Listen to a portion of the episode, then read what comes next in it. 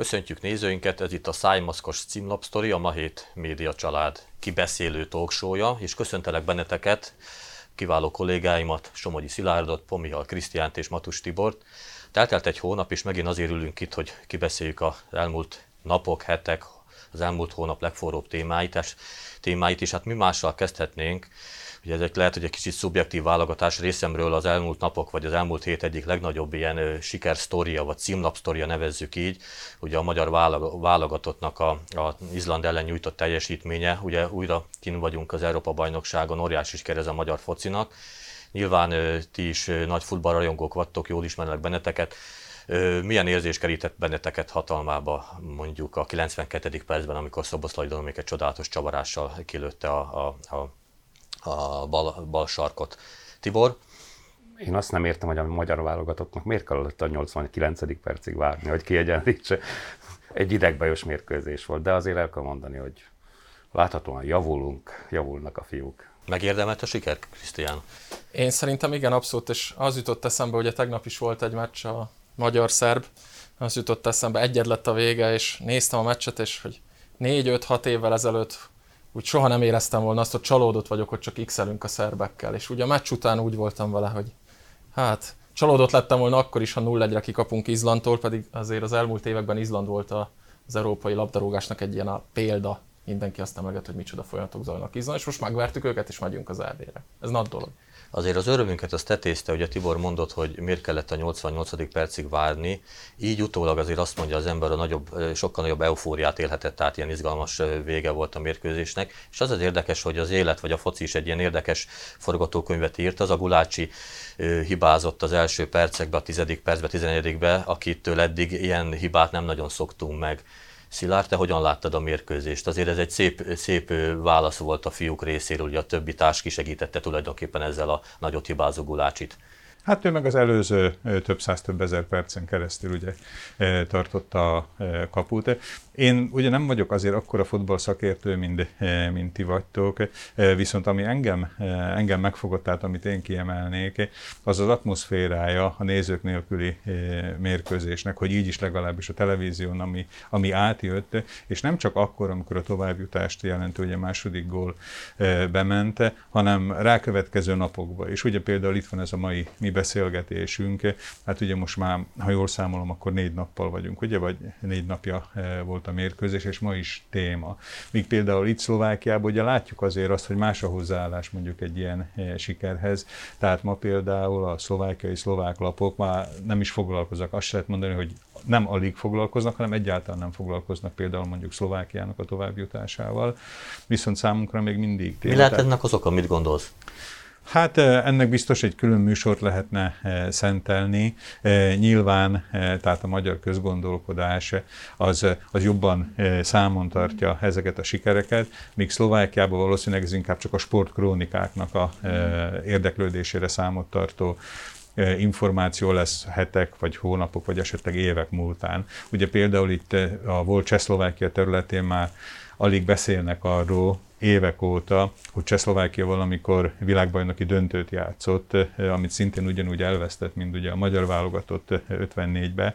Eh, tehát Magyarországon ez mind a mai napig élő téma, tehát beszélgetni lehet róla akár kocsmába, akár televíziós stúdióba. Szlovákiában meg már nem is emlékeznek. Én azt hiszem, nagyon csak ez van, hanem azért eh, lássuk be, hogy az ősz megmutatta, hogy végre van, a, van egy magyar csapat. Tehát az, hogy folyamatosan az utolsó 5 vagy 6 mérkőzés zajlott le, végül is egy tisztességes játékkal küzdve, Igen. sőt, eredményeket is hoztak, és nagyon jó eredményeket hoztak. Meg az is különleges, szerintem az izlandi meccsben az egyik legérdekesebb volt, hogy azért nem játszottunk nagyon jól. Az első fél idő az kifejezetten gyengére sikerült, az a gulácsi gól, meg szerintem, ha mondjuk három-négy évvel ezelőtt történik, amikor lelkileg nem ilyen erős a csapat, akkor jött volna utána még három vagy négy, és tehát összeroppantak és, volna. És, és Ehhez egy... képest meg hajtottak, bocsánat, befejezem, a második fél évben gyakorlatilag benyomták Izlandot a kapu elé, és még egyszer mondom, azért az nagy dolog, Izlandot beszögeztük a kapujuk elé. És, és, még és nyertünk is, azon igen, még nagyobb. És még egy, a, a, akit összeválogattak, tehát a szélesebb stáb, kieshet 5-6-7 ember, akkor is tudják hozni azt a teljesítményt. Ez éppen a tegnapi meccsen igen. nyert bizonyítást, és szemmel látható, én is azt gondolom, hogy a Rossi és a csapat nagyon egymásra talált, és tényleg egy remek ősz van mögöttünk, ugye a Nemzetek Ligája mérkőzéseken is jól szerepel a csapat. Egy fél kérdés még ide, mi várható, ugye Pestre érkezik jövőre a, a világelit, világsztárok sora. Mit lehet ettől a ö, egyre jobb teljesítményt nyújtó, vagy bíztató teljesítményt nyújtó magyar válogatottól várni a nagy világsztárok ellen? Tibor? ahogy a klasszikus mondja, jósolni nehéz, különösen amit, ami a jövőt illeti. Biztos, hogy nehéz mérkőzések lesznek. Ilyenkor mindig benne van az, amit most ugye a Fradi is megél, amikor jön a Juventus vagy a Barcelona, és akkor becsúszik egy több gólos vereség, de szerintem ez sok tapasztalatot, meg sok tanulást hozhat ez a csoport. Te hogy látod, Krisztián? Hát, mielőtt válaszolok a kérdésre, én lekopognám, hogy lesz-e jövőre EB Budapesten? Hát nagyon remélem, hogy lesz, és a koronavírus az nem szól közben, ugye júniusban vannak a meccsek, Franciaországgal és Portugáliával játszunk itthon. Én azt hiszem, hogy az, hogy ott vagyunk az EB-n, megint, négy év után újra, az szerintem már önmagában egy óriási eredmény, a többi az már jutalomjáték, szerintem Budapesten akkor is fiesta lesz, hogyha Griezmann hármat rúg a Nemzeti Stadionba, és kikapunk a franciáktól. Ugyanez Ronaldóra igaz a portugálokkal, innentől szerintem minden, minden gól, minden eredmény, minden elbén töltött perc az jutalom. Berstorkkal bizonyította a csapat, hogy egyébként egy ilyen nattornára is fel tud készülni, és nem futottunk tulajdonképpen bele nagy vereségekbe, sőt, azt hiszem, hogy meglepő, vagy nem várt teljesítményt nyújtott a csapat. Szilárd, Örülök, hogy, örülök, hogy Bernd Storkot említed. Tehát én, én nem tartanám meglepetés számba menőnek az, hogyha jó eredményt érne el a magyar válogatott az Európa-bajnokságon.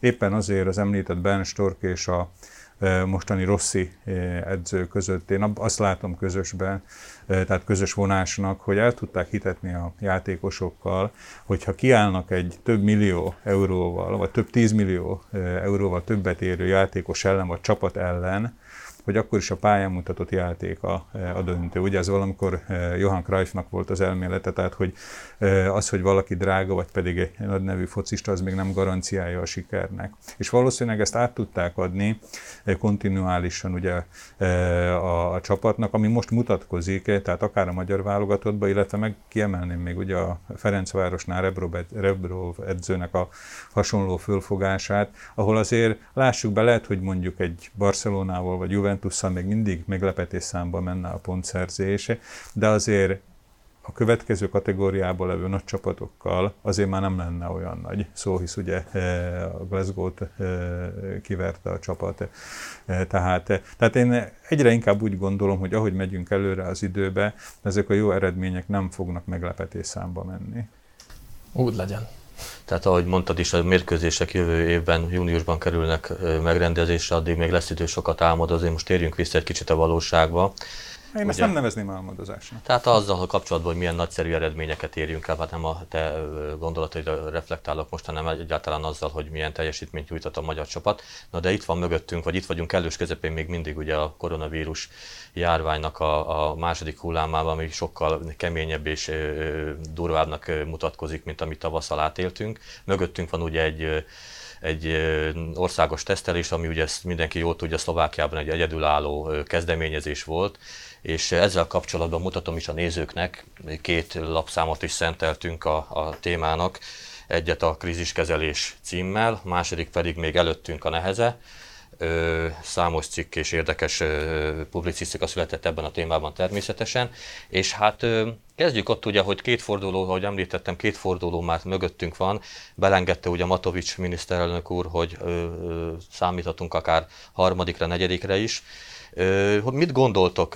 mekkora siker ez a, a, a kormány részéről? Végeredményben ugye lezajlott és minden rendben történt, sőt úgy néz ki, hogy most a számok csökkennek, tehát ami a fertőzöttek számát illeti, és ami nagyon jelentős, hogy, hogy egy egészen friss hír, ugye, hogy Ausztria is, mintha a Szlovákiától venne példát, Sebastian Kurz éppen most jelentette be, hogy a szlovák mintára bizonyos hasonlóságokkal átvenné ezt a, ezt a módszert, és ott is hasonló országos tesztelésre kerülne sor. Krisztián, veled kezdem. Hogyan értékeled kormány sikerének, vagy, vagy, vagy, vagy valami másnak?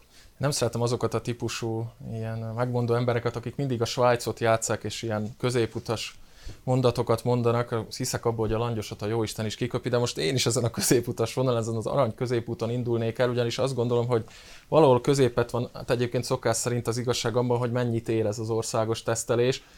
ugyanis az, ahogy Matovicsék kommunikálták, hogy ez micsoda egy óriási, példátlan világsiker, tehát valami ilyesmik voltak ott, Szlovákia beírta magát a történelemben, néztem élőben ezt a sajtótájékoztatót, jól, emlékszem a Ligetfalui lóversenypálya mellől adták szabad térről, akkor beszélt ilyeneket a miniszterelnök, de lehet, hogy ez nem ő volt, hanem a honvédelmi miniszter végül is mindegy. Tehát ezt is túlzásnak érzem, ugyanakkor azt is túlzásnak érzem, és abszolút feleslegesnek is, amikor valaki azt, mondta, azt mondja, hogy az egész hülyeség, vagy kidobott pénz, vagy többet ártott, mint használt.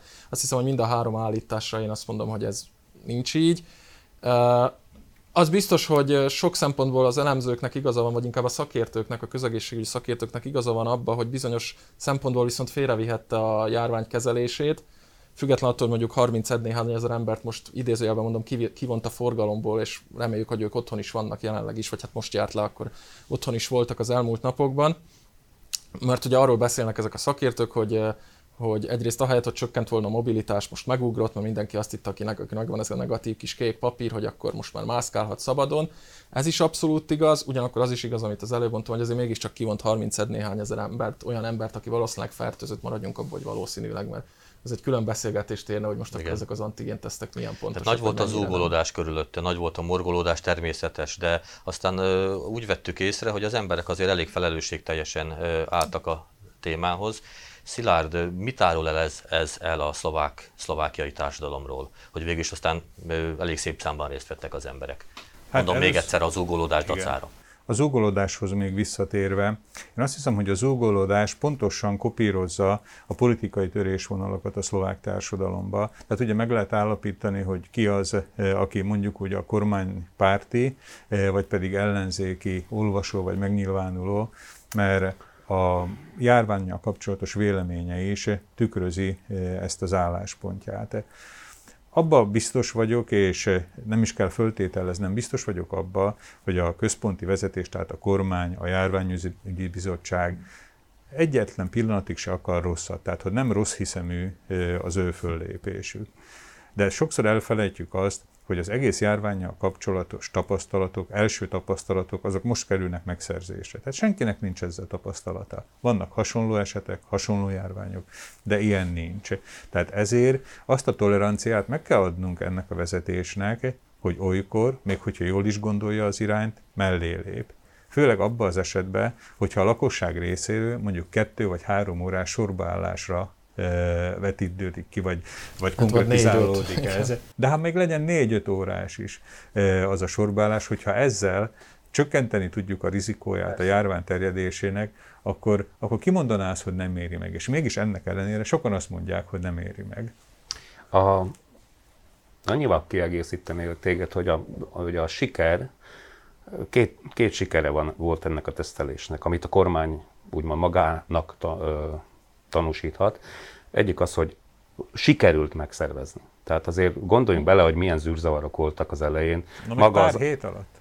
A pár hét alatt, de, de ugye a, a tesztelés előtt 16 órával maga az államelnök nő áll ki azzal, hogy... A sokat hogy ez, segítette? Lehet, lehet, hogy segített. Bocsánat, egyetlen közösszös, hát polgármesterek nyilatkozták a portálunknak, hogy 12 órával a teszt előtt, péntek délben még nem volt meg, hogy ki, kivégzi el náluk a dolgot. Jó, Kicsit olyan... a figyelmet, mert, mert azt akarom mondani, hogy hogy az, hogy ez sikerült, az, az szerintem a önkormányzatok nélkül nem lehetett volna. Tehát kinek a sikere akkor? Az önkormányzatoké, vagy, vagy a kormányé? Jó kérdés, Jó, igen. Ugye, és akkor, akkor mindjárt meg is mondom, hogy ez, ennek a sikerét a kormány aratja le, nem, nem pedig az önkormányzatok. Persze. Kicsit olyan ez a dolog, nem? A, Mint hogyha, hogyha hát minden jó, ha jó a vége. Ez igen, és a, és a sikernek ugye a, a másik... több gazdája van mindig, ugye? Sikernek, de, de a bajnak most, most, most, csak egy... a sikernek. Most biztos, hogy a, a kormány ezt learatja. Illetve hát másik oldalon meg azért valóban csökkentek az esetszámok, és akkor ezt is megkérdezhetjük, hogy Na, a tesztelés következményeként ö, csökkentek, vagy pedig azért, mert már két-három hete ö, elég komoly ö, szigorítások léptek érvénybe. A, és jól mondod, hogy ö, most tanuljuk. Most tanuljuk, hogy mi is ez a járvány, melyik lépésnek mi a következménye. Valószínűleg mindenki csak találgat ahogy, ahogy te is mondtad, hogy a, a találgatnak az, az, hogy jó, kiszűrtünk 30 ezer ember, de meg szaporodott a kontaktusszám. Abban azért egyetértetek, hogy ez a kormány részéről egy bátor ugrás, vagyis lépés volt egy ugrás tulajdonképpen az ismeretlenbe, a kockázatos, a kockázatos. ismeretlenbe, ugyanis ilyet még semmelyik ország előtte nem csinált, nem volt egy minta előtte, és most úgy néz ki, ugye, tehát ezen a emlékezetes lóversenypálya és sajtótájékoztatón is inkább azt láttam, hogy a megkönnyebbültség lett órá rajtuk, hogy, hogy, hogy meg, meg, meg, vagyunk, túl vagyunk rajta, különösebb ö, problémák nélkül, ugye voltak mondva, hogy említettük ilyen döcögős dolgok, elfottak a tesztek, stb. mindenki jól tudja, nem ismételjük. De, de akkor végül, de elfelejtettük, és most itt, a, itt a, a, a, az, hogy learadhatja, ugye te is mondod a kormány a, a sikert, a babérokat, ezt meg is fogja tenni ismerve ugye a Matovics féle kommunikációt, e, ebben hiba nem lesz. Ö, olvastam egy nyilatkozatot ugye Mikhail Vasszecskának, aki egy ismert szociológus Szlovákiában, azt mondta egyenesen, hogy marketing sikerről beszélhetünk. Ebben Igen. ezzel egyetértetek? Szilárd? Marketing sikerről is, nyilván, negyedik, ötödik sorba, de elsősorban ugye valakinek ezt az egészet kezdeményeznie kellett, és én ebben láttam a úttörésnek a jellegét, amikor az ember mer egy olyan irányt venni, ahol még senki nem járt, és megteszi az első lépést. Nyilván ezt nem a hadsereg, nem az önkormányzatok, nem a tesztelésen résztvevő lakosság tette, hanem kellett mindig egy ember, aki ezt a lépést nem csak, hogy megmeri tenni, hanem a többieket is rá tudja venni arra, hogy őt ebbe a menetelésbe kövessék. Ez lenne Igor Matovics? Ebben az esetben most mindegy, hogy hogy hívjuk, tehát azt akarom mondani, hogy mindig kell egy ember, aki aki elő, elő, előre, előre lép, és nem a már kipróbált vagy kipróbáltnak tűnő protokollokat próbálja lejátszani, hanem egy újat akar. Most van még itt egy érdekes kérdés, ugye, mert ezzel talán egyet tudunk érteni, amit most Szilárd mond, hogy ez egy bátor politikusi döntés volt, lépés, Ö, és, és ugye a háttérben azt is jól tudjuk, hogy a napokban és most már a hetekben is zajlik egyfajta kisebb, nagyobb összetűzés ugye a kormánytagok között.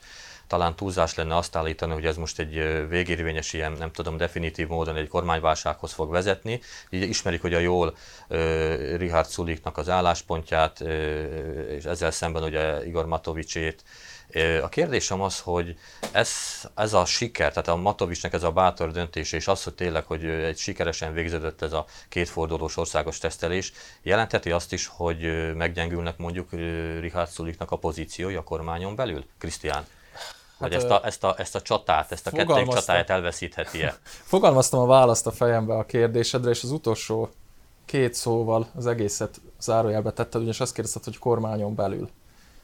Azzal zártad. Ezt nem tudnám megmondani, ez szerintem nagyon nehéz kérdés. Figyeljük meg, ahogy Matovics kommunikál, mindig igyekszik ezt a mi versus ti, vagy mi versus ők, a, a miben pedig ott van az Olano, ott van a Smerodina, és ott van a Zalugyi, tehát a négy pártból három, az ők az meg mindig csak az SZSZ, erre nagyon vigyáz Matovics, ezt figyeljétek meg, hogy a, a másik két pártot, még ha nem is egy, értenek vele teljesen egyet, de azért igyekszik úgy bevonni őket ebbe Igen. a konfliktusba a saját oldalán. Azt viszont nem gondolom, hogy az hogy azzal a teszteléssel a népszerűsége nőtt volna. Majd megnézzük a decemberre milyen közvéleménykutatások jönnek ki, de szerintem Szulik tanítani valóan reagálja le Matovicsnak ezeket a hát mondjuk úgy, hogy marhaságait, ezek a, ezeket a furcsa Facebook posztjait, például most ez a legutolsó, ami azt hiszem pénteken volt, úgy emlékszem, én voltam az ügyeletes szerkesztő, írtam is róla, amikor arról írt, hogy Matovics, vagy bocsánat, Szulik a napernyő alól beleszól abba, és meghiúsít mindenbe, és belekújítja, hogy kinyithassanak az éttermek, volt egy ilyen hosszú posztja a Facebookon, és akkor jelentette be, hogy javasolni fogja a központi válságstáb előtt, hogy nyissanak ki a színházak, a mozik fél, félházzal, illetve a templomok, ez meg is történt. Na most Szulik ezt aznap este annyival reagálta le egy kétmondatos Facebook poszttal, hogy az én hátamon akár fát is vághat a miniszterelnök, ha az megtörténik az, amit én akarok, akkor kész, most már csak az éttermeket kell kinyílni, és poko, így írt a poko, Igen, és most akkor a Matovics, van Matovics, gyakorlatilag. Matovics, Tehát azt gondolom, hogy Szulik ügyesen Igen. reagálja le a Matovicsnak ezeket a Hát gondolom, hogy nyilván, Szilárd, te pont te beszéltél erről ugyanebben a műsorban néhány hónapja most már, hogy Matovicsnak ezeket az ego tripjeit, ezek az, ezeket az ego ömléseit, bár Szuliknak is kétségtelen van belőle éppen, ezek nagyon csak, ügyesen nem csak, nem csak ego, ego ez, hanem nagyon kemény beszólások szinte már már. Ugye tudnánk idézni Egy dolgokat. Kicsit ilyen óvodás szintűnek arra... tartom ezeket, hogy Ricsi, Risó, ugye Ricsizi és hasonlók, amit aztán egyébként kitörölt, módosította a bejegyzését, Igen. és az összes Risó kikerült a szövegből néhány órával később, tehát azért ez, na, azért ez sokat eláll. Mindegy, szerintem. megtörténtek a dolgok, és nekem az volt, én is a Szuliknak a nyilatkozataira szerettem volna ráirányítani a figyelmet, ugyanis számomra a Szulik viselkedése meglepően higgadt. Igen. És visszafogott, és, és szinte már-már tapintatos. Ha mondjuk a múltban nézünk, nem biztos, hogy konkrétan ezt szoktuk meg tőle. Tibor, te ezt hogy látod? Még visszatérnék, visszatérnék arra a sikerre, ugye, mert a, először a sikert csak az, abból a szemszögből néztük, hogy járványügyileg. A másik oldalon pedig az emberek hogyan vették ezt az egész tesztelést. Nagyon sokan úgy vették, hogy ez egy kényszer, diktatúra, rákényszerítik az emberre, olyat kell cselekednünk, amit nem akarunk megtenni, és ez nem, nem biztos, hogy a, ahogy te is mondtad, a népszerűségét segítette a, a nem is mond, kormánynak. Tehát a, a Matovics maga népszerűséget vesz, ez már látható tendencia.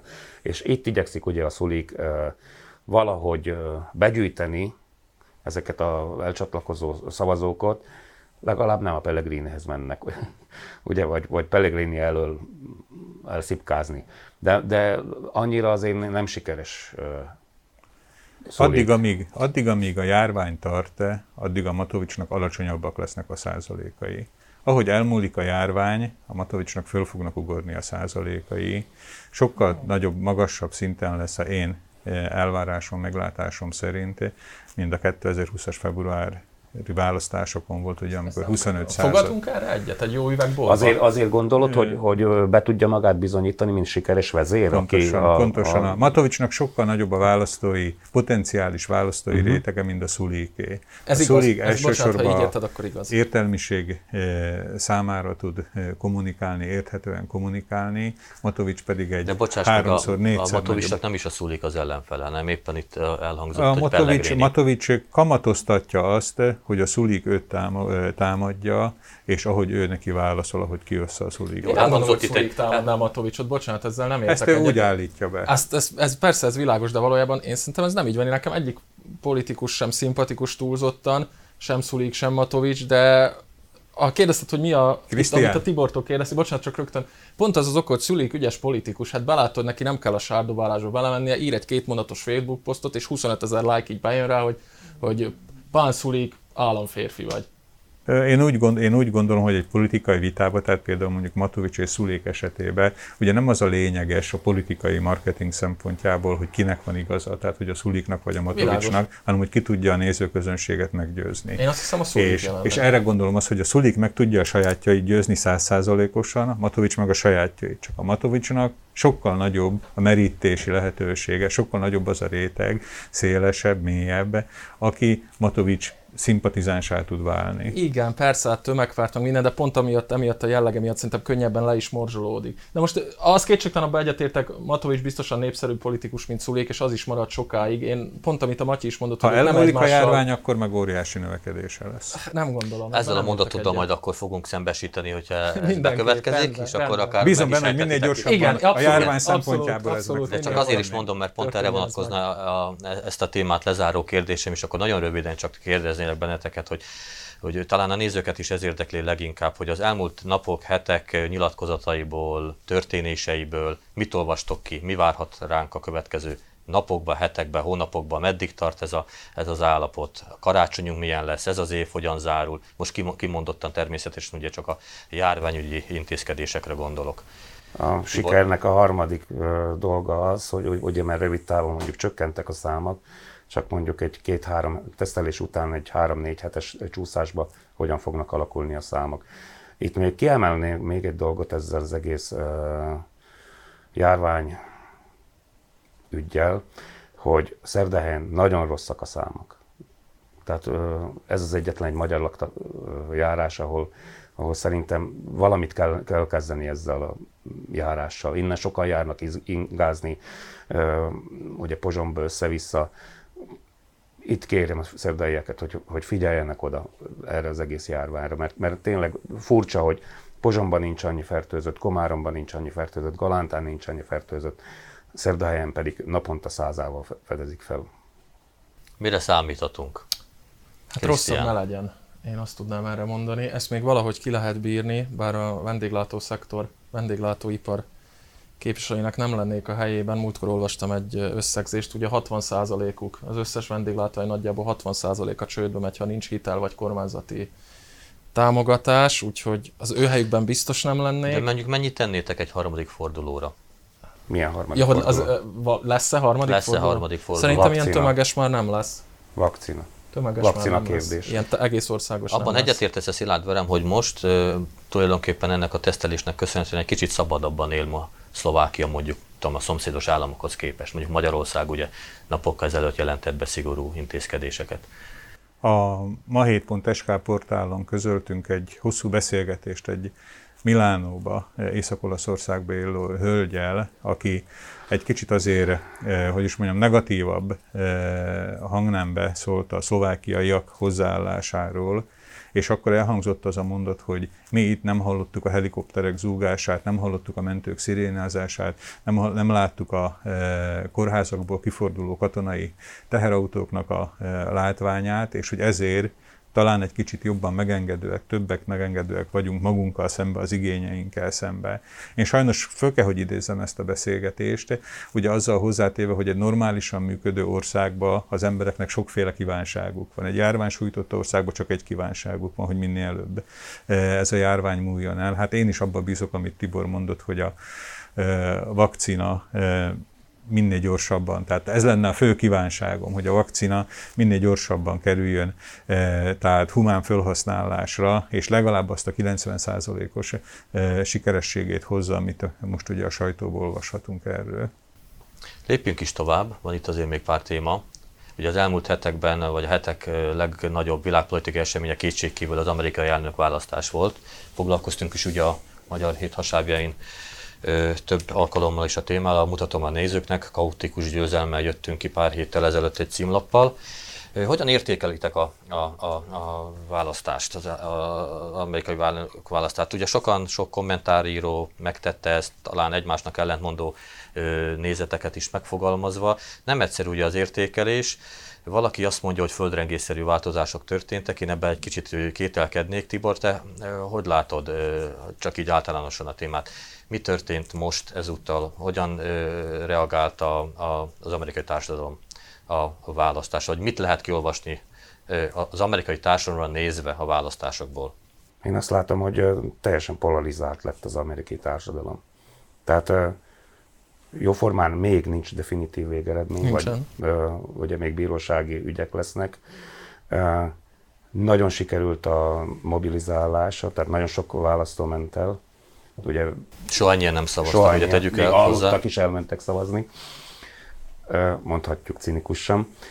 Ö, Nagyon sok választási csalásról szóló vád fogalmazódott meg, és, és azt hiszem beindulnak a tüntetések. Mindegy, hogy melyik fog nyerni. És, Tegnap és, és, nagy, és- és, És- részben ezért ez a Trump kampánynak a része. Tehát ö, én Hát amikor, ö, most én amikor a Trump áll, választások... Trump áll veszé, vesztésre, akkor Trump vitte ki az embereit a uh, utcára. Ha Biden állt volna vesztésre, akkor ő viszi ki. Szóval mindegy. Itt, itt, itt ennyire szét van polarizálva ez az egész társadalom, és hát Amerika maga pedig kínos helyzetben van, mert ott tolonganak mögötte, a, akik átvennék a szerepét a világ ura Ugye szerepére. ö, amerikai elnökjelölt soha nem kapott még annyi szavazatot, mint most Joe Biden. Bocsánat, Donald Trump a második. Tehát a 70 millió, Obama se kapott soha 70 Mondok, millió. mondok, mondok akkor a Trumpra is egy hízelgő adatot. Amerikai regnáló elnök soha nem kapott még annyi szavazatot, mint most Trump. Ez is egy rekord. Mind a kettő rekord. Ki bukott, ki nem? Ki sike, ki, kinek a sikere? Jó, egyet mondok, talán a közvéleménykutatók buktak a legnagyobbat, Igen, ezt ugye? így szokták emlegetni. Hát azért 5 millióval több szavazatot kapott Biden, úgy nagyjából a 75 a 70 millióhoz. Most, hogy között voltak-e ilyen gogoli holt lelkek, vagy, vagy nem, vagy voltak-e központi irodákban kitöltött szavazólapok tízezrei, vagy nem, azt nem tudjuk eldönteni. Én szerintem nem is feladatunk ezt itt, már nem csak nekünk, de azt gondolom, hogy a magyar magyarországi vagy a, itt a közép-európai elemzőknek sem, ugyanis nem Egyetértek. mindegy, hogy valaki New York Times-ot olvas, akkor azt fogja írni, hogy Trump hisztizik és semmi nem történt, vagy valaki mondjuk Breitbartot vagy New York Postot olvas, akkor meg azt fogja mondani, hogy ö, 10 millió, nem tudom én, venezuelai emigráns és 5 millió holt lélek szavazott Bidenre. Tehát nagyon nehéz most, nagyon nehéz eldönteni, hogy mi történik, várjuk meg, hogy mit mond a bíróság. Ugyanakkor, a, ha megnézzük azokat az államokat, ahol még most is zajlik a szavazás, egyébként december, vagy illetve, bocsánat, nem a szavazás, az újraszámolás, erre december 8-áig van idő, a hivatalos szövetségi alkotmány azt mondja, hogy december 8-áig le kell zárni az összes ilyen újraszámolást, ha ez nem történik meg, akkor az alkotmánybíróság, vagy az a legfelsőbb bíróságnak jogában áll azt mondani, hogy fújt a bőrgyár, ennyi volt, december 8-án nem számoltátok össze, már nem is fogjátok. Ez történt 2000-ben Floridában egyébként a, a Bushra El Gore, ha emlékeztek. Azokban az államokban, ahol még most újra számolnak, ott ilyen 10, 15, 25, 45 ezer szavazatnyi különbség döntött Biden javára. Én nem hiszem, hogy ez megfordulna, de a, azt érdemes látni, hogy ez az 5 millió szavazat különbség ennek nagy része olyan államokból jött össze, ahol Biden reg, óriásit nyert, tehát ezekből a liberális nyugat és keleti parti, vagy demokrat mondjuk inkább így nyugat és keleti parti államok, mint Kalifornia, New York állam, vagy északon Washington állam. Azok az államok, amelyik még Trump javára simán eldönthették volna, és akkor lehet, hogy gyűjt mondjuk 303 elektori szavazatot, ott 20-30-40 ezres különbségek vannak. Azért ez szoros volt, annak ellenére, hogy 5 millióval több populáris szavazatot kapott Biden. Érdekes egyébként az egész választási rendszer ugye Amerikában, ugye az elektorok rendszere működik ott, és hát néhány adat csak az érdekesség kedvéért, több millió szavazat, ember szavazata tűnik el tulajdonképpen. Ugye senki nem gondolná egyébként, hogy a Kalifornia, amely ugye teljesen ilyen demokrata párti államnak nevezhető, ott is több, millió, több millióan szavaztak Trumpra, de mondjuk ugyanígy Texasban, ami mindig is ugye republikánus bástyának számított, ott is egyre többen szavaznak most már Ez a most nagyon szoros volt És ezek a, ugye, ezek, a, ezek a szavazatok, vagy ezek a, ezeknek az embereknek a szavazatai ugye teljesen mondhatni, hogy a kukába landolnak, ugyanis ugye ezekben az államokban a mindent, aki nyer, az mindent viszelve alapja működik, és talán amit te is kezdted, ez is végletesen polarizálja az amerikai társadalmat. Szilárd, az a kérdésem, hogy, hogy Mit lehet az amerikai ellen, legyen akkor bárki, de talán ugye most a Joe Bidennek van erre a legnagyobb esélye. Mit tehet enne, annak érdekében egyáltalán? Van a kezében valami olyasmi, ami, ami a két szélsőséges tábort valahogy egymáshoz tudná közelíteni? Magához a választási rendszerhez, ugye tehát az arányos és a többségi választási rendszernek ugye ez az egyik hátulütője, hogy ebből az esetben, amit Amerikában, talán Maine állam kivételével. És eh, nem még, még van egy-kettő, igen. Ja, értem. Eh, tehát ahol, eh, ahol arányos választási rendszer van. Nyilván Biden nem fogja kezdeményezni, vagy valamelyik demokrata párti képviselő ennek a választási rendszernek a megváltoztatás, az egy sokkal nagyobb téma. Én úgy gondolom, hogy tehát ugye két jelölt van, Biden és Trump, viszont az eredményre mégis hárman várnak. Tehát az a harmadik az amerikai intézményrendszerbe vetett hitünk. Tehát az, hogy december 8-án mi lesz az állás. Én ezt egy hosszabb távú, tehát világnézeti szempontból fontosabb kérdésnek tartom, hogy magába az amerikai intézményrendszerbe vetett hit, akár a mi hitünk, vagy az amerikaiak hite, meg fog-e roppanni. Mert hogyha megroppanik, akkor az egy precedens alapú lesz, amire majd mindig lehet mutogatni, hogy hisz ekkor ez már így volt. Tehát én ennek szorítok legfőképpen, hogy december 9-én, még hogyha nem is nagy örömmel, de a résztvevő felek tudomásul vegyék a, a akkori helyzetet, és hogy menjünk tovább. Hisz emlékezzünk, hisz minden egyes amerikai filmnek az egyik eh, konstans szereplője a bíró, akinek megföllebbezhetetlen, megkérdőjelezhetetlen a hatalma abba, hogy amit mond, az úgy van. És most az amerikai bírósági rendszernek, tehát, a, eh, tehát ennek az intézménynek a hitelessége kérdőjeleződne meg, tehát ez alapjaiba változtatná meg, ha nem is rombolná le, de változtatná meg ebbe a demokratikus intézményrendszerbe vetett legrosszabb hitet. esetben Szilárd, december 8-a után indítunk egy jog, jogállamisági eljárást Amerika ellen. Mit szólsz hozzá? Nézd, ezt lehet viccesen fölfogni, de meg kell vizsgálni az, hogy mi, mint ország, mi, mint magyarság, mi, mint Európai Unió vajon hol látjuk magunkat ebbe a helyzetbe. Én mindenképpen azt látom, hogy tehát a külpolitikát illetően nyilván nagyban nem fog változni Amerikának az irányultsága, talán inkább a hangsúlyok, tehát meg az, hogy milyen hangsúlya képviselünk bizonyos kérdéseket. Az nekem kimondottan szimpatikus volt például Trump esetében, aki mert egy határozott föllépést eh, kezdeményezni Kína ellen. Tehát ki merte mondani azt, amit évtizedek óta mindenki csak susmogott Kínával kapcsolatban, Trump ezeket a lépéseket megmerte eh, lépni.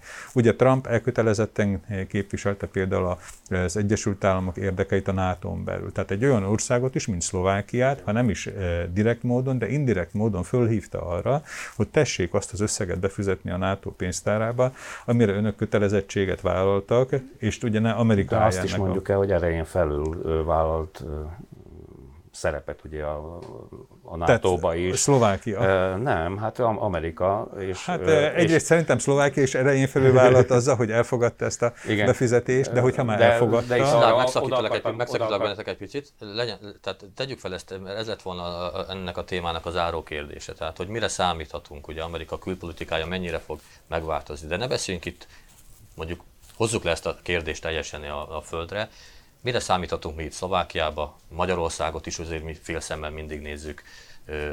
Európai Unió viszonylatában ugye külkereskedelmi megállapodások, Kínát emlegetted, Oroszország, tehát most tegyük fel, hogy Biden az elnök, mennyiben fog más utat képviselni Krisztián, mint amit elődje Trump. Azt szokták mondani, ez egy ilyen közmondásos minden Amerikához értő vagy érteni vélő elemző ezt elmondja, hogy a külpolitikai az amerikai külügyi rendszer az, amelyik a leglassabban mozdul egy-egy elnökválasztás után. Talán emlékeztek arra, hogy 16-ban nyert ugye Trump, 17-ben, 18 elején még azért voltak elég kemény kritikák Magyarország felé, meg úgy mondjuk így az illiberális államok felé, a lengyelekkel mindig vigyáznak azért, mert az az oroszokkal szembeni komoly szövetségesük.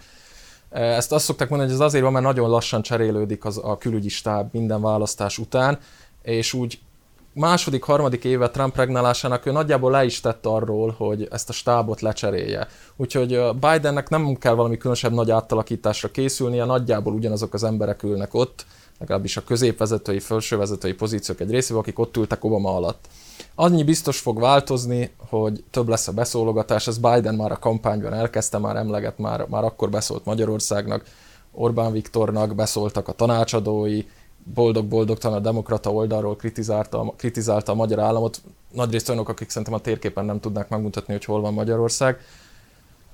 Ugyanakkor komolyabb változásra viszont szerintem nem kell számítani, és a legtöbb józan elemző ugyanezt mondja. A hangsúlyok biztos egy kicsit áttevődnek majd Magyarország szempontjából.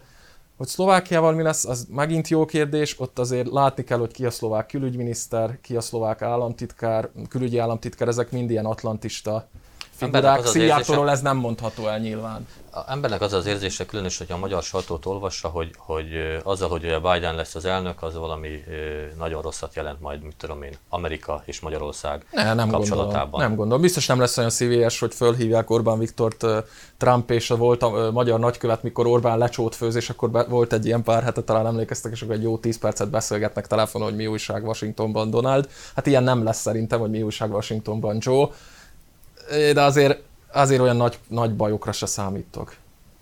Valaki még ehhez a témához esetleg, hogy nem maradjon benne hiányérzet? Tehát én is ne. úgy gondolom, hogy, tehát, hogy, hogy a kommunikációban lehet különbség, de nyilván egy tapasztalt politikus, és itt mindenki, mindegyik oldalon tapasztalt politikusok vannak, akár Európában, akár az óceánon túl, tehát ők tudják azt, hogy egyes országoknak, egyes régióknak, vagy egyes csoportosulásoknak érdekeik vannak. Tehát ezeket az érdekek mentén köttetnek az egyességek, köttetnek a, a hosszú távú együttműködések. Tehát én egyetértek Krisztiánnal abba, hogy főleg külpolitikai szempontból valamiféle 180 fokos, vagy akár 91 fokos eltérés se várható. Tehát a, a fő, fő problémakörök adottak. Igaz, hogy vannak ugye kis változások, most Oroszországnak a karabahi konfliktus során meggyengülte az állása, nem gyengülte meg. Ezek, ezek utána már menet közbeni politikai dolgok, de általában véve nem gondolom azt, hogy probléma én, én azért változás nem, nem értek vele, veletek, egy, veletek, egy,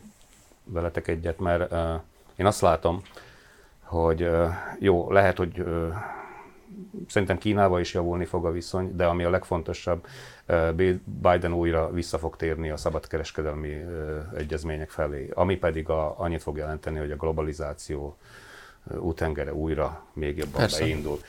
Emellé még az is, az is jár, hogy, hogy szerintem Amerika újfent erőteljesebb világhatalmi szerepet fog vállalni, és, és tehát ez, ez nem egy, tehát ez a erősebb globalizmus, ez nem csak egy, egy konzervatív liberális vita, az erősebb globalizmus az, az környezetvédelmileg is számos veszélyt Tibor, hadd had egy picit vitatkozzak vele, tehát kulturális szempontból, most nem a kultúrára, mint ami a művelődési házban történik, uh-huh. de kulturális szempontból, tehát ha már így alakul a helyzet, nekem még mindig sokkal elfogadhatóbb egy amerikai, amerikai vezetésű, ahogy te mondtad, globális uh-huh. világhatalom, mint egy kínai vagy egy orosz. De itt nem erről van szó. Erről is, szerintem. Erről is. Megbeszéljük ezt majd a adás után, mert vészesen fogy az időnk.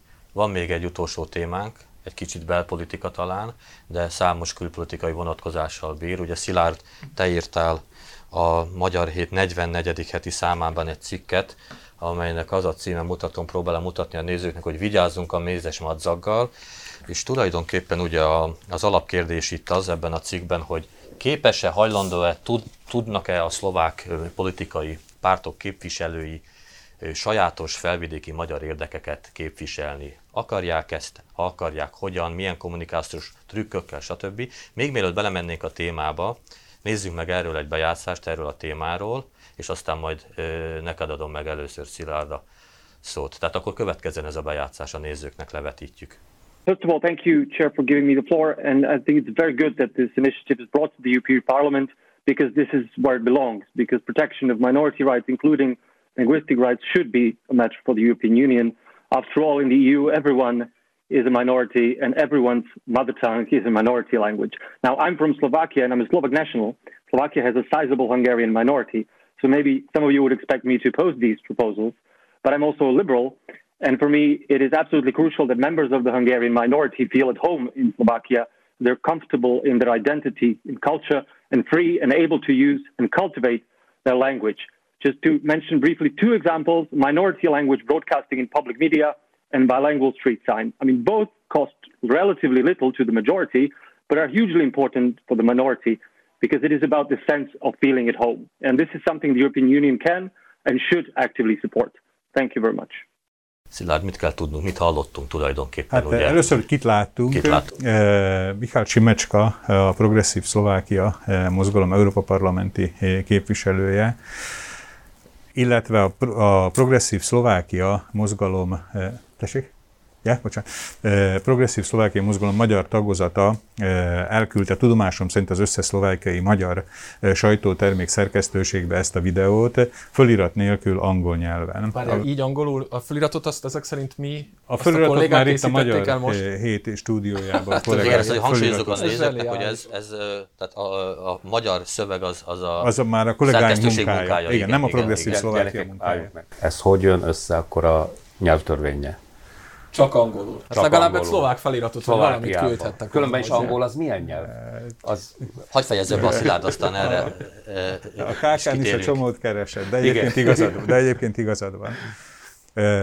Tehát tudjuk magát ezt a videót. Kapott mindenki egy ilyen angol nyelvű videót, amiben a parlamenti, az Európa parlamenti képviselő Simecska elmondja, hogy mennyire támogatja a Minority Safe Pack néven egyre futó kezdeményezést, futó igen. kezdeményezést, aminek a lényege az, Mondjuk el, bocsánat, hogy ő volt az a képviselő, aki az Európa Parlamenti választások után egyetlen szlovákként, miután ugye a magyar képviselő nem került be, szlovákiai magyar képviselő az Európa Parlamentbe, azt mondta, meldöngetve, tehát egy kicsit rosszul fogalmazok, hogy én leszek az, aki majd a magyar ügyeket hajlandó leszek az asztalra letenni európai asztalra, tehát az európai szintéren. Még nem is csak, hogy letenni, de képviselni is eh, ezeket az ügyeket. Most és mit látunk, az a kérdés, akkor te eh, után, utána mentél a témának, és eh, mit látunk hajlandó volt a Simecska valamit tenni, vagy, vagy, vagy, vagy, vagy nem látunk semmit az Ahogy egészből. Moldova György mondaná, egy srófra jár az agyunk, és ugyanezek a kérdések fogalmazódtak meg bennem is, amikor ezt az angol nyelvű videót e,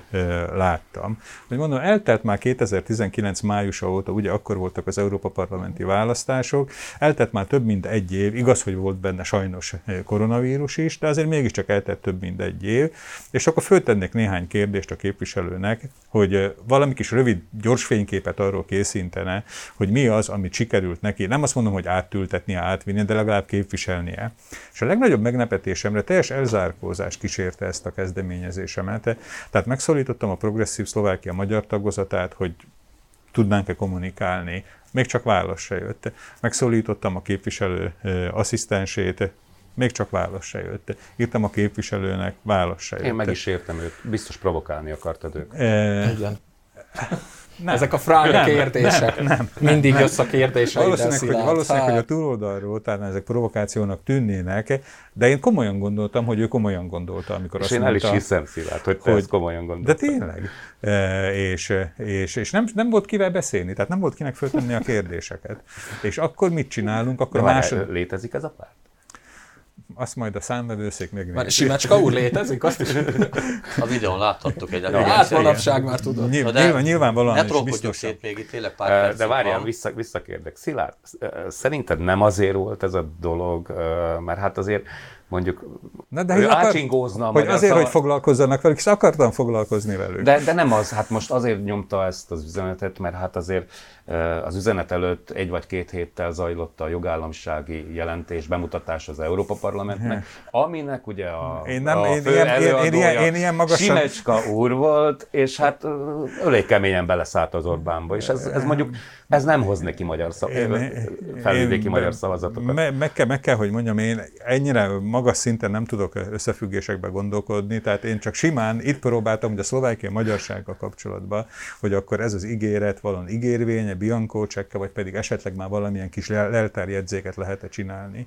Mivel vele nem lehetett kommunikálni, sőt még a pártjával se, ezért mit csináltam? Tehát abból főzünk, ami van. Megkérdeztem a két előző ciklusnak a magyar képviselőjét, eh, Csáki párt, illetve Nagy Józsefet, hogy ez az ígéret, miben manifestálódott számukra? Tehát, hogy találkozott-e velük a Simecska képviselő, kérte esetleg egy szimbolikus tafétabotot, egy összegzést, hogy mi az, amivel kell foglalkozni, és sajnos nagy meglepetésemre mind a ketten egyhangulag, holott nem együtt egyszerre beszéltem velük, mind a ketten azt mondták, hogy őket még csak nem is kereste.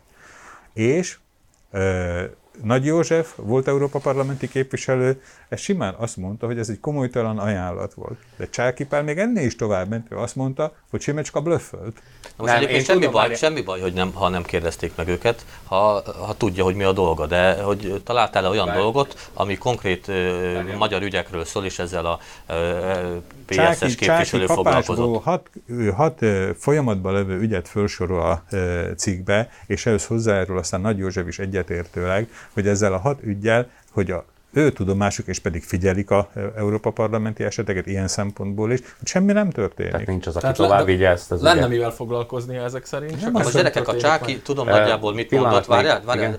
Csáki ugye mondja természetesen a kétnyelvűséget a cikkedbe, említi a párkányi hulladékegetőt, a vereknyei, szemétlerakot, a csallókozi ivóvízkészletet. Számotokra mi az, amivel most nagyon égetően kellene foglalkozni? Én még visszatérnék, mert én rájöttem, hogy mi, a, mi volt a Szilárdnak a hibája. Hát nem angolul kerested őt. Bocsánat. Ő, Egy ilyen videót kellett volna küldened hát ő a progresszív, liberális. Tibor feltámadt a... itt a műsor végére, szerintem is minden erről szét akarja trollkodni, de akkor most többet nem adom meg neki a szót. Szóval mik azok a, mik azok a, mik azok a felvidéki ügyek, amiket Nekem... most sürgősen kell rakni a témára? ez nagyon fontos dolog, ne haragudjál, ez nagyon fontos dolog ha angolul szólítottad volna meg, akkor tudta, hogy te is ugyanolyan világpolgár, globalista, szemléletű úriember vagy, elvtársa vagy, és akkor, akkor bátran felelt volna. Így, hogy te egy kis nemzetállam valamilyen utolsó nyelvén szólítottad meg, most nem tudom, szlovákul vagy magyarul, Szlovák. Így nem voltál A magyarokat, magyar, magyar tagozatot, magyarul, szlovák így tagozatot, nem voltál szlovákul. Számok. Bocsánat, Ennyi. nekem ebben az ügyben azt tetszik, különösen Matyi, itt felsoroltál három dolgot. Mi a mind a háromban közös? Ez mind a három környezetvédelmi zöld ügy. Tehát nem is feltétlenül csak magyar ügy. Hát most az, hogy párkánya meg vereknyivin, az nem ez csak magyar nem ügy, magyar az orsz, ső, ső, sőt, országos és zöld. De mi az, amivel a PS kampányolt, mikor megalakultak? Hát ők voltak a zöld párt, az PS jó együtt a Spoluval, ők voltak a friss, a zöld, a környezetvédelmi, ugye ez a mindig összekötődik a zöld és a liberális a Nyugat-Európában, egyébként nagyon tévesen, de mindegy. És akkor itt van három zöld ügy, ami valamelyest még a magyarokhoz is kapcsolódhatna, és akkor ez a fiatalember, mintha ott lenne a labda előtte egy üres kapu, és úgy, úgy dönt, hogy ő nem rúg bele a labdába, inkább elmegy iszik egy izét, kis fröccsöt a büfébe. És akkor ott marad ez a zöld zicser, és a kutya nem használja. Le volt foglalva a jogállamiság. Kb. fél percünk van, vonjuk le a leg, legfontosabb következtetéseket ebből. Mi volt ez? Neked adom meg először Szilárd a szót, a te témád volt ez. Szemfényvesztés, mézes madzag. Tehát ez a konkrét eset hogyan... Semecska részéről eddig legalábbis a két szakértő volt Európa Parlamenti képviselő alapján szemfényvesztés, úgy, ahogy mondod.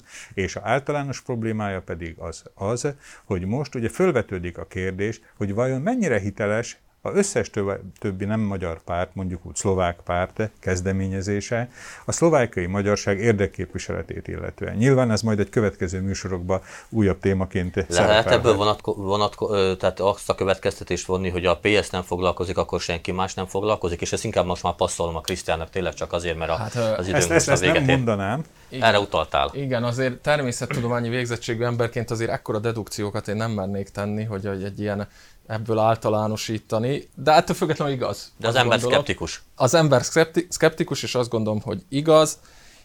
Viszont akkor azért azt is hangsúlyozzuk ki, hogy az sem véletlen, hogy mondjuk az utóbbi egy, kettő, három évben kezdtek el azért nagyon aktívan a szlovák pártok a magyar szavazatokra átcsingozni. Ha belegondoltok, korábban inkább csináltak egy szatellitpártot, mondjuk mint a HZDS-nek volt ez a gyimesi féle, nem fog eszembe jutni a neve, mert olyan bonyolult hosszú a 90-es évek végén a hosszú nevű párt. Most már arra se veszik a fáradtságot, most platform van, PS platform, meg mindegy egyik másik pártnak van egy-egy képviselő, mondjuk mint az Olano taktikája, a Pellegrini az tárgyal, a, azok a mosztosokkal tárgyalnak, úgyhogy azért abban abba van némi munka, és van hibája a magyar érdekképviseletnek is, a magyar politikai képviseletnek is, hogy idáig jutottunk, most itt van előttünk néhány év a következő választásokig, most az lesz a feladat, hogy a választópolgároknak, mert nem nekünk kell bebizonyítani, a választópolgároknak bebizonyítsák, hogy a magyar érdekeket azt magyar politikusok, Ez magyar pártok képviselik. Tökéletes végszó lett volna, de szerintem Tibor még tudod überelni nagyon röviden, hogy neked is megadjam én, a szót. Én nem tudom, miért kell bántani szegény Simecska urat.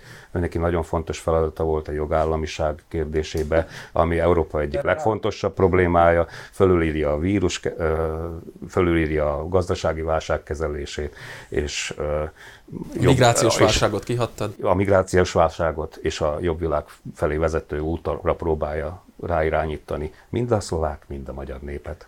Én nagyon szépen köszönöm nektek a beszélgetést, azt hiszem, hogy itt Tibornak köszönhetően a vége elég szórakoztatóra is sikerült. A nézőknek pedig köszönöm a kitartó figyelmet, tartsanak velünk legközelebb is, viszontlátásra. Viszontlátásra. viszontlátásra.